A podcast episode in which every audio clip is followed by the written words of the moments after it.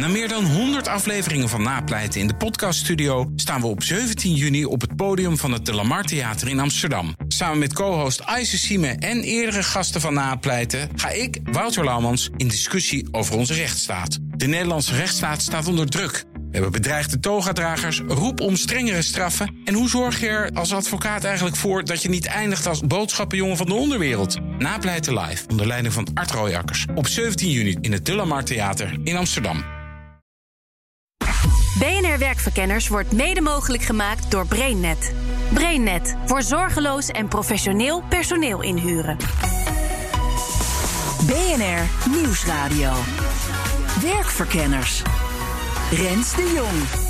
Zit jij wel eens met je handen in het haar? Word je niet iedere dag even vrolijk wakker? Vraag je je ook wel eens af of je in godesnaam weer eens plannen kunt gaan maken voor wat dan ook? Nou, ik weet niet of dit je helpt, maar je bent niet de enige. 50 tot 60 procent van de Nederlanders ervaart de nodige stress door het rondwarende coronavirus. Je zou kunnen zeggen dat twee à drie keer zoveel mensen nu mentale klachten rapporteren. Door de maatregelen heb je minder vrijheid. De onzekerheid over hoe lang dit nog duurt is groot. En dan is het ook wel logisch dat je wel eens angst voelt. Het is dan wel belangrijk dat je onderscheid maakt tussen angst voor gevaar en angst om te falen. Angst voor gevaar, dat is een logische angst. En dan moet je ook denk ik niet ontkennen. Maar angst voor te falen, daar kun je wel wat aan doen. En dat speelt zeker op zo'n moment, op het moment dat je ziet dat je agenda uh, in één keer van de ene dag op de andere gewoon leeg is. En je dus een aantal doemscenario's voor je ziet. Op zo'n moment realiseren dat je angst voor falen hebt. En daar kun je zelf actie op ondernemen. Ja, faalangst, daar kun je dus zelf wat aan doen. Maar ja, hoe dan? Hoe makkelijk huppelt mijn gast zelf eigenlijk door deze crisis heen? Voor mij doen was ik wel even van mijn padje. En ik, ik had het natuurlijk ook over mezelf toen ik zei dat van de een op de andere dag een volle agenda helemaal leeg was. En ja, weet je, ik heb net als iedereen heb ik dit nog nooit meegemaakt. Nou, oké, ik geef zelf ook toe dat ik wel eens opsta met donkere gedachten. Ik zou jou juist aanraden op dat moment dat je denkt: oh, ik heb echt een baaldag. Hoe krijg ik hier grip op? Bel dan juist die psycholoog. Ja, ja. Dat noemen we preventie van, van klachten. Preventie van zaken die erger kunnen worden als je te lang blijft sudderen. En voor die preventie heeft zij een batterij aan voorzieningen klaarstaan. Zodat alle medewerkers van de Erasmus Universiteit ergens terecht kunnen als ze stress ervaren of gewoon als ze een paaldag hebben. Logisch dat ze zoveel maatregelen treft, zegt ze zelf. We wisten namelijk al dat de mentale gezondheid van onze mensen, net als in het hele onderwijs, dat die onder druk staat. Naast de bekende risico's van werkdruk, ongewenst gedrag, onbezoldigd overwerk, komt daar nu deze pandemiesituatie bovenop. En dat is ook nog eens een risico waarvan we de impact moeilijk kunnen overzien. En dat is een belangrijke bron van stress. We weten namelijk nog heel veel niet. In deze uitzending willen we toch op zoek naar dingen die je zelf kunt doen om de onrust beheersbaar te maken. Alvast een tip. Zorgen dat je uh, je, je, eten op orde hebt, het douchen, uh, je zelfzorg. Uh, dat je niet in je pyjama broek, bij, bij wijze van spreken, thuis blijft rondlopen, maar gewoon de basics op orde hebben. Ja, rust, reinheid en regelmaat dus. Dat is de eerste stap naar een zen bestaan in coronatijd. Werkverkenners. Ja hoor, we moeten nog een paar weken thuis doorwerken. En voorlopig voor je bedrijf nog geen business as usual. Knappe jongen die dan het hoofd helemaal koel houdt. Je hoorde net al Gijs Koppens zeggen dat nu al twee à drie keer zoveel mensen stress ervaren als voor corona. Hij stelt zich voor en legt even uit waar die cijfers vandaan komen. GZ-psycholoog uh, bij het zorgplatform openup.care. En wat doen jullie precies? Wij hebben een platform waarin je laagdrempelig uh, toegang krijgt tot uh, goede informatie over mentale gezondheid. En waarin je makkelijk een consult kan boeken bij de psycholoog. En waarin je eigenlijk direct antwoord krijgt op je emotionele vragen. En hoe druk was het voor corona bij jullie? Voor corona hadden wij gemiddeld 100 bezoekers per dag op het platform. Uh, en dan de vraag met corona is dat fors gestegen naar inmiddels 1000 bezoekers per dag. En dat zijn ook 1000 consulten of, of 1000 bezoekers? Nee, 1000 bezoekers en ongeveer 50 consulten per dag. Uh, het merendeel van de bezoekers die uh, gebruikt de informatie, die leest. Uh, we hebben een livestream met vraag en antwoord. Uh, dus het merendeel ja, die neemt de informatie tot zich. En een klein deel die wil praten met de psycholoog om te bespreken wat het voor hem of haar betekent. Ja, wat is nou die mentale impact van corona? Kun jij daar iets van zeggen uh, op basis van al die gesprekken die jou, jij en je collega's hebben gevoerd? Ja, ik denk uh, wij, hebben, wij voeren en de gesprekken en wij hebben ook onderzoek gedaan. Na de eerste set van maatregelen die werden aangekondigd door Rutte. Uh, dat onderzoek hebben we ook uh, in een net andere vorm herhaald afgelopen week. En wat je ziet is dat 50 tot 60 procent van de populatie in Nederland uh, stress, angst en onzekerheid rapporteert. Hmm. dus als je het hebt over de mentale impact, dan is die vrij fors. Want normaal liggen die niveaus, en dat weten we, op ongeveer 20 procent van de populatie. En waar, waar, dus is, waar, waar uitzicht dat dan uiteindelijk in? Dat zijn vooral dus uh, piekerklachten. Mensen die veel nadenken. Uh, eigenlijk zoveel nadenken dat ze dat nog moeilijk kunnen controleren. Uh, mensen met slaapproblemen. Mensen met fysieke onrust. paniekachtige klachten. Ehm, en mensen die eigenlijk geruststelling zoeken. dus die, die even niet weten hoe ze zichzelf moeten geruststellen in deze periode. Hmm. En zijn dat mensen die altijd al een beetje kwetsbaar waren? Of kan dit ook uh, perfectly healthy mensen treffen? Op het platform, uh, dat is een platform voor preventieve psychologie. En dat is een platform waarin we eigenlijk vooral mensen spreken die voorheen niet eerder met een psycholoog gesproken hebben. Dus het is echt wel opvallend dat eigenlijk. Nou ja, ik kan niet zeggen iedereen, want ik denk dat de helft van Nederland hier toch redelijk goed doorheen komt, mentaal gezien. Maar die andere helft, daar zit dus een heel groot deel bij van mensen die voor het eerst dit soort uh, klachten ervaren. Mm -hmm. um, en, en dat heeft ermee te maken dat dit zo'n abnormale situatie is. Dat je op een bepaalde manier uitgedaagd wordt, die voor heel veel mensen echt nieuw is. Maar zijn er misschien bepaalde groepen die er toch nog gevoeliger voor zijn? Wat je ziet is dat met de, het, het toenemen van de leeftijd neemt ze de gerapporteerde stress af. Oh ja. Uh, dus de millennial in ons onderzoek, zeg maar de jongelingen, uh, die ervaren de meeste stress en onzekerheid. Dat ligt zelfs op een niveau van 70% van de millennials, wow. die nu zegt hierdoor uh, geraakt te zijn in mentale zin. En dat is dus ja, de groep die het meeste last heeft, zou je kunnen zeggen, van de maatregelen. Maar kunnen zij dan uh, minder goed relativeren? Of is hun financiële toestand gewoon wat slechter en dus heb je meer stress? Ja, ik denk dat, dat die twee samenspelen. Dus zij hebben inderdaad ook de meeste financiële zorgen over de groepen heen. Uh, ze hebben vaak flexcontracten, ze werken als uh, freelancer. En dat zijn de, de groepen die nu onevenredig hard geraakt worden. En op psychologisch gebied zou je kunnen zeggen. Uh, dat het een, generatie is die heel erg geleerd heeft dat de wereld maakbaar is. Dat ze alles kunnen worden. Dat als zij maar hun best doen en prestaties leveren, dat het wel goed komt. Waarbij dus die, je zou kunnen zeggen, die eigenwaarde erg gekoppeld is geraakt aan het niveau van presteren. En, en dat presteren, dat is juist nu zo moeilijk. Dus, en dat is denk ik iets wat die millennial ja, extra hard raakt. En ook mijn volgende gast komt veel meer angst tegen dan voorheen. Ik ben uh, Victor Millon. Ik ben uh, grondlegger van Minute Coaching. En ik heb het verleden heb ik uh, topsporters gecoacht op hun mindset. En dat principe van die mindset heb ik vertaald naar bedrijfsleven. En um, dat is wat ik nu de afgelopen twintig jaar doe. Ja. Wat is de mentale impact van corona? Kun jij er iets zinnigs over zeggen? Ja, ik heb ook veel contact gehad met ZZP'ers en met ondernemers. En die impact, die, die stress, die is uh, groot op dit moment. Omdat er toch wel uh, behoorlijk veel angst is over de, de toekomst. Angst over financiën. Uh, eventueel zelfs ook nog angst over het virus zelf en wat het met de gezondheid doet. Dus uh, die impact is uh, uh, op de mentale kant is behoorlijk groot. En een aantal van mijn collega's die hebben niets te doen, hebben echt een compleet lege agenda. Gewoon noodgedwongen. Mm -hmm. um, en dat betekent dat je ook in deze tijd, in plaats van te somberen of te stressen ook na kunt denken over uh, hoe de wereld er anders uit komt te zien. Want daar geloof ik echt in. En hoe je daar uh, invloed op kunt uitoefenen. Maar ook welke rol je dan in die tijd uh, daarin zou, graag zou willen hebben. Maar even, even voor betekent... mij, want het is, dat is natuurlijk makkelijk gezegd als je nog veel werk hebt. Maar als opeens zeg maar, de, de, de bodem onder je bestaan vandaag geslagen wordt. Omdat er gewoon geen geld meer binnenkomt. Kan we heel leuk over de toekomst gaan nadenken. Maar ik zou toch wel wat, laten we zeggen, korte termijn stress krijgen. En ik weet niet of ja, dat zomaar weg kan uh, fantaseren door over na te denken over de toekomst. Nee, uiteraard, uiteraard. Die, die, stress die is, uh, die is vanzelfsprekend en aan de andere kant ook weer niet.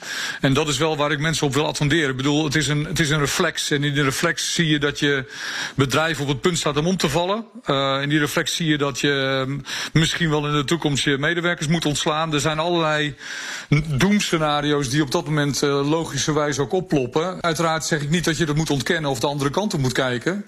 Want op de korte termijn is het een, een, een voor de hand liggende reactie. Mm -hmm. Maar op de lange termijn moet je wel verder. Dus je kunt, je kunt heel lang uh, stil blijven staan bij wat je overkomen is en in die stress blijven. Het enige wat ik mensen adviseer is vervolgens dat achter zich te laten en uh, naar, de, naar de toekomst te kijken. En inderdaad, dat is makkelijker gezegd dan gedaan.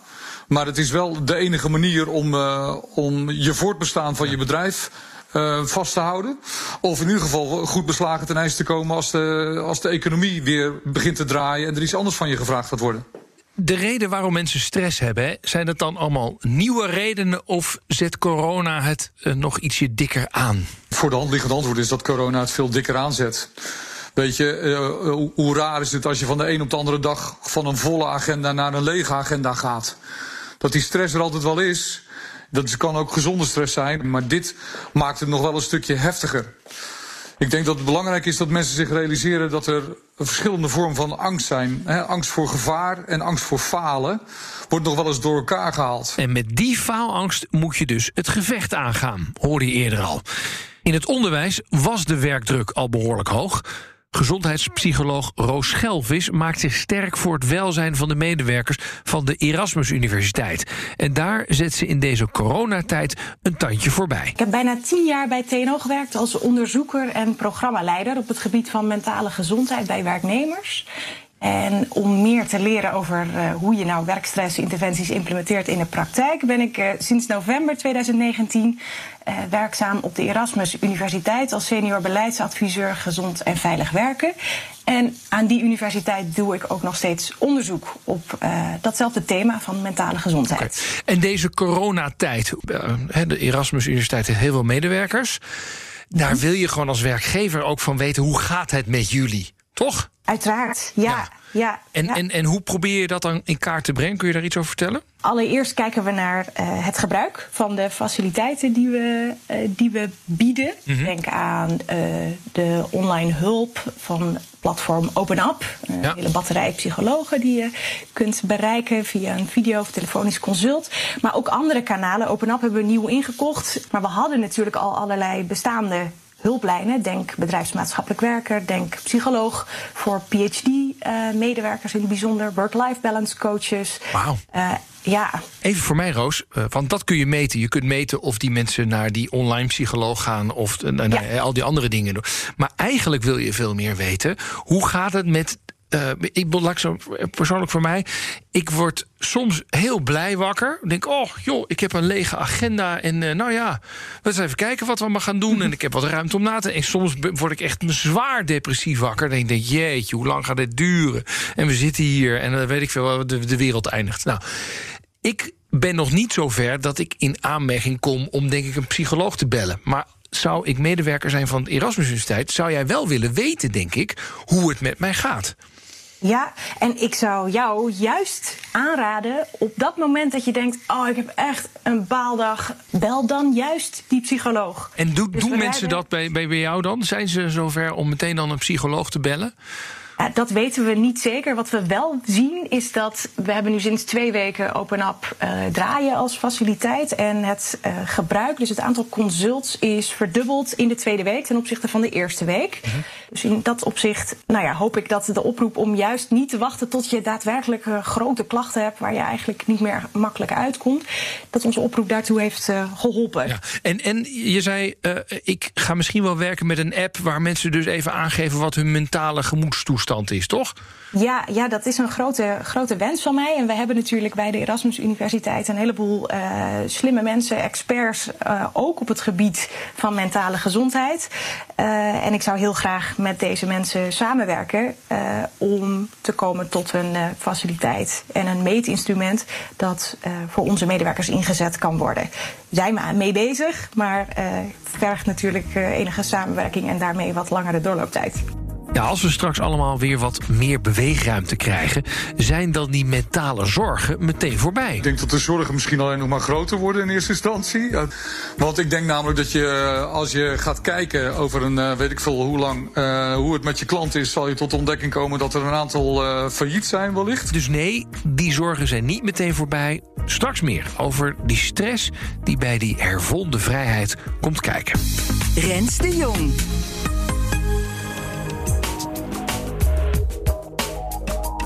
We hoorden al verschillende manieren om een vinger aan de pols te houden bij je medewerkers. En er zijn allerlei vormen van ondersteuning die je kunt bieden. Maar met wat voor klachten kampen die thuiswerkers We vooral? horen vooral dat mensen last hebben van eh, piekeren. Dus dat valt in het spectrum eh, angstklachten. Eh, eenzaamheid is de tweede categorie klachten die medewerkers ervaren. En problemen met het vinden van een nieuwe structuur. Dus hoe deel ik nou mijn dag in als zowel mijn partner en de rest van mijn gezin thuis is. Of juist hoe deel ik mijn dag in als ik eigenlijk als niemand eigenlijk tegen me gezegd je moet vandaag om negen uur achter je computer zitten. Of als niemand mij verwacht om negen uur achter mijn computer. Een heel spectrum van eh, structuurvragen. Ja, angstklachten vormen dus een groot gedeelte van de stress. Maar dan eigenlijk niet zozeer de angst zelf. Angst is eigenlijk een eh, hele natuurlijke, normale emotie. Dus angst is net zoals blijheid en positieve gevoelens... een emotie die gewoon bij het leven hoort en die ertoe doet. En angst gaat dus samen met bepaalde gedachten. Bijvoorbeeld nu eh, rondom corona of rondom werkstress... eh, kun je op een manier erover denken dat het je angstig maakt. En je kan er ook op een manier proberen over te denken... dat het je misschien wat minder angstig maakt. Maak dat eens concreet. Dus, nou, als jij denkt, ik zal mijn baan verliezen, ik zal eh, de komende jaar misschien überhaupt geen baan meer hebben, ik zal het financieel heel slecht gaan krijgen, waarschijnlijk herstel ik hier niet meer van. Misschien moet ik ook mijn huis verlaten. Nou, dan hoor je al een soort van waterval aan gedachten die jou niet eh, rustig maakt. Dat zijn gedachten waar je gestrest van raakt. En aan de andere kant kan je denken: oké, misschien eh, gaat het nu niet goed met mijn werkgever. Misschien verlies ik zelf, zelfs mijn baan. Maar eh, ik heb een goede set van eigenschappen. Ik heb een, een, diploma gehaald waar ik iets mee kan. Ik heb iets te brengen. En zodra de economie uh, na corona weer opkrabbelt, vind ik vast weer een baan. Uh, en qua huur ga ik nu kijken of ik iets kan regelen waardoor ik nu niet uh, hoef te verhuizen. Ja. He, dan heb je een andere gedachtenstroom en dat, dat maakt minder angstig. Kun je wel wat hulp gebruiken, dan wil Gijs Koppens met zijn Open Up dus graag een laagdrempelige hulpoptie bieden. Het zijn gesprekken die voor mensen vaak in 20 minuten al heel veel kunnen betekenen. Dus wij merken, en zeker de mensen die zeg maar geen geschiedenis hebben met mentale klachten. Die, die laten zich toch vaak in 20, 25 minuten al behoorlijk geruststellen. Dus die hebben gewoon even iemand nodig die luistert, die structureert, die de goede vragen stelt. En dan kunnen ze weer vooruit. Hm? Dus ja, dat werkt heel goed. En gemiddeld doen we één, twee of drie consults. Uh, en is het probleem opgelost. En, en uh, wat kost dat eigenlijk? Nou, rondom corona werken we op donatiebasis. Dus dat betekent dat het voor iedere portemonnee uh, beschikbaar is. En, en, dat is wel echt opvallend. Voor het eerst dat ik dat in ieder geval meemaak als uh, gezondheidszorgpsycholoog. Dat bedrijven zich rechtstreeks bij ons platform melden. En met de bedrijven hebben we ook een, een, aantrekkelijke, voor hun aantrekkelijke financiële afspraak gemaakt. En voor ons in die zin aantrekkelijk dat we daarmee ook het platform echt ook in de lucht kunnen houden voor ja, mensen met een kleine portemonnee. En een van die werkgevers is de Erasmus Universiteit. Iedere werknemer van de universiteit kan bij OpenUp terecht. En dat is een van de vele opties die deze werkgever biedt. Met mijn suggestie dat het wel heel erg veel hulpmogelijkheden waren, wat ik overigens als compliment bedoelde, was Roos Schelvis het niet eens. Maar wat voor een prijskaartje hangt er dan aan? Wat is de business case van de universiteit? Nou, die vragen vielen niet helemaal in goede aarde. Daarom hebben we wel geprobeerd om met de cijfers van hoeveel mensen klachten zullen ontwikkelen. Nou ja, eigenlijk voor te sorteren op het verergeren van die klachten. Want hoe, hoe eerder je erbij bent, hoe groter de kans dat uh, uh, zo'n probleem niet ontaart in uh, een stoornis. En uiteindelijk, dan kom je bij de business case, als je dat graag wil. Uiteindelijk het voorkomen van natuurlijk verzuim en ja. langdurig verzuim. Ja. ja. jij moet een beetje lachen als ik dat zeg, een business case. Het, het is niet voor, jou, voor jouw oren, begrijp ik. je moet er natuurlijk over nadenken. Maar ik vind het veel belangrijker dat je nadenkt als werkgever waar ligt mijn verantwoordelijkheid en wat kan ik doen in deze crisissituatie, die bovendien heel erg uitzonderlijk is. Dus uh, dan is, is de business case niet het eerste dat we bij Erasmus Universiteit overwegen, uh, maar eerder uh, hoe zorgen we goed voor onze mensen vanuit de verwachting dat zij ook dan de beste ook weer een business case uh, indicator. Zodat ze de beste uh, artikelen leveren, het beste onderwijs leveren en daarmee weer bijdragen aan uh, nou ja, goed opgeleide mensen op de ja. arbeidsmarkt. Heb jij nou geen werkgever die psychische bijstand voor je regelt? Of wil je het gewoon graag zelf eerst proberen? Dan heeft Gijs Koppens wat tips voor je. Eigenlijk gaat het altijd maar om drie dingen. Het gaat om ritme, ritme en regelmaat. Dat is eigenlijk de eerste. Twee, het gaat eigenlijk altijd over verbinding. We zijn hypersociale wezens. En dat betekent aan de ene kant dat we heel veel contact nodig hebben met anderen. En aan de andere kant betekent dat ook dat we ons soms willen afzonderen en alleen willen zijn. En die balans, dus verbinding, hoe doe ik dat? Moet ik iets meer verbinding hebben of moet ik juist mezelf iets meer terugtrekken als ik te veel nu in het gezinsleven word gezogen? Dat is altijd belangrijk als, als tweede. En als laatste ja, willen we gewoon iets te doen hebben. Dus als we niks hebben te doen, dan gaat onze geest een loopje met ons nemen. Mm -hmm. Dus zorg dat je iets zinvols hebt om uit te voeren. En dat, dat, kan ook dat kan hoogdravend zijn, zeg maar, in betekenisvol werk. Maar dat kan ook zo simpel zijn als de kelder opruimen... of, of zorgen dat de tuin er goed bij staat. Zorg dat je iets hebt om te doen. One-minute coach Victor Mion zei aan het begin al... dat hij eventjes van het padje was, maar al snel zag hij allerlei kansen acties waar je zelf iets mee kunt. Er zijn legio mogelijkheden. Ik denk om, om te beginnen uh, mensen, collega's of um, voor mij part concurrenten die in dezelfde situatie zitten uitnodigen om te gaan brainstormen over uh, hoe de dingen aan het veranderen zijn. Dat is een, van de mogelijkheden die je kunt doen en die je in mijn beleving ook uh, moet doen. Dus echt nadenken over hoe gaat mijn strategie er in de toekomst uh, uitkomen te zien. Ten tweede is denk ik van belang je bewust te zijn voor het feit dat die angst of die stress ervoor zorgt dat je gaat geloven in die doemscenario's. De, de kunst van zo'n moment is je te realiseren van welke kwaliteiten heb ik op dit moment die ik kan inzetten om beweging te krijgen in uh, wat, wat voor mijn gevoel op dit moment nu vastloopt. Ook dat is een mogelijkheid. Dus Geef een voorbeeld daarvan. Hoe doe je dat concreet? Nou, stel je voor dat je bijvoorbeeld, uh, ik noem wat, dat je gewoon een sociaal iemand bent, wiens kracht is om contact te maken, verbinding te maken. Maak daar eens optimaal gebruik van. En ga dan juist aan de telefoon en misschien wel in contact met mensen waarvan je misschien vooraf denkt: hmm, ik vind het wel spannend om nu die telefoon te pakken en juist het contact met mijn klanten te zoeken, om mijn leveranciers te zoeken. Maar op het moment dat jij, jouw kracht is dat jij heel goed bent in het leggen van verbinding en dat jouw sociale capaciteiten goed zijn, maak er dan optimaal gebruik van. En natuurlijk voel je dan die spanning, want het is best gek om je concurrenten te bellen of je leveranciers te bellen. Um, en, en, juist op zo'n moment een gesprek met hen aan te gaan. Nou, uit mijn ervaring kan ik je vertellen, Rens, is dat in deze periode gesprekken door de telefoon ineens een hele andere wending krijgen. Mm -hmm. Ze worden veel persoonlijker. Iedereen zit praktisch, praktisch in hetzelfde schuitje. En de mensen die ik dit ook aanbeveel om te doen, die vertellen mij dat die gesprekken ook gewoon een hele andere dimensie krijgen. En hen ook opluchten, het gevoel geven dat ze toch in beweging zijn en stap aan het maken zijn. Nou, dat is een simpel voorbeeld van een capaciteit waar, waarvan ik denk, als je sociaal gewoon goed bent, dat je daar goed op terug kan vallen. Goed, we weten dus waar we op moeten letten om de stress bij onszelf te herkennen. En we hebben wat handvatten om de strijd met onze angsten aan te gaan. Maar straks, als we weer naar buiten mogen, brengt dat dan weer een heel nieuw arsenaal aan stressfactoren met zich mee? Ik voorzie wel dat er weer andere vormen van stress opduiken, uh, uiteraard. Het feit dat je dan weer los kan gaan om je omzet goed te maken, -hmm. dat geeft ook een bepaalde druk. Want nou ja, als het om mij gaat, ik heb behoorlijk wat omzet uh, de afgelopen weken mogen inleveren. En dat gevoel van ik moet weer wat terug doen. Ik moet zorgen dat ik weer on track kom. En dat, ja, dat ik wellicht ook mijn omzet ga halen die nodig is om mijn bedrijf gewoon gezond te houden. Dat geeft ook de nodige stress de komende periode. Ja, ja, maar het inhaalniveau eigenlijk. Dat je zegt, nou ja, we hebben twee, drie maanden weinig omzet gehaald... maar nu gaan we het proberen in te halen. Dat levert natuurlijk veel stress op. Ja, dat levert ook absoluut veel stress op. Ja, dat geeft ook een bepaalde druk van het, wat, wat ik gemist heb in uh, deze periode... moet ik even in, in kortere tijd goed zien te maken. Nou, weet je, ook dat vraagt weer... Maar, wat zeg, maar, maar wat zeg, jij daar dan over? Je kunt, uh, je kunt er op twee manieren naar kijken. Nou ja, uh, je kunt zeggen, nou ja, ga dat niet proberen.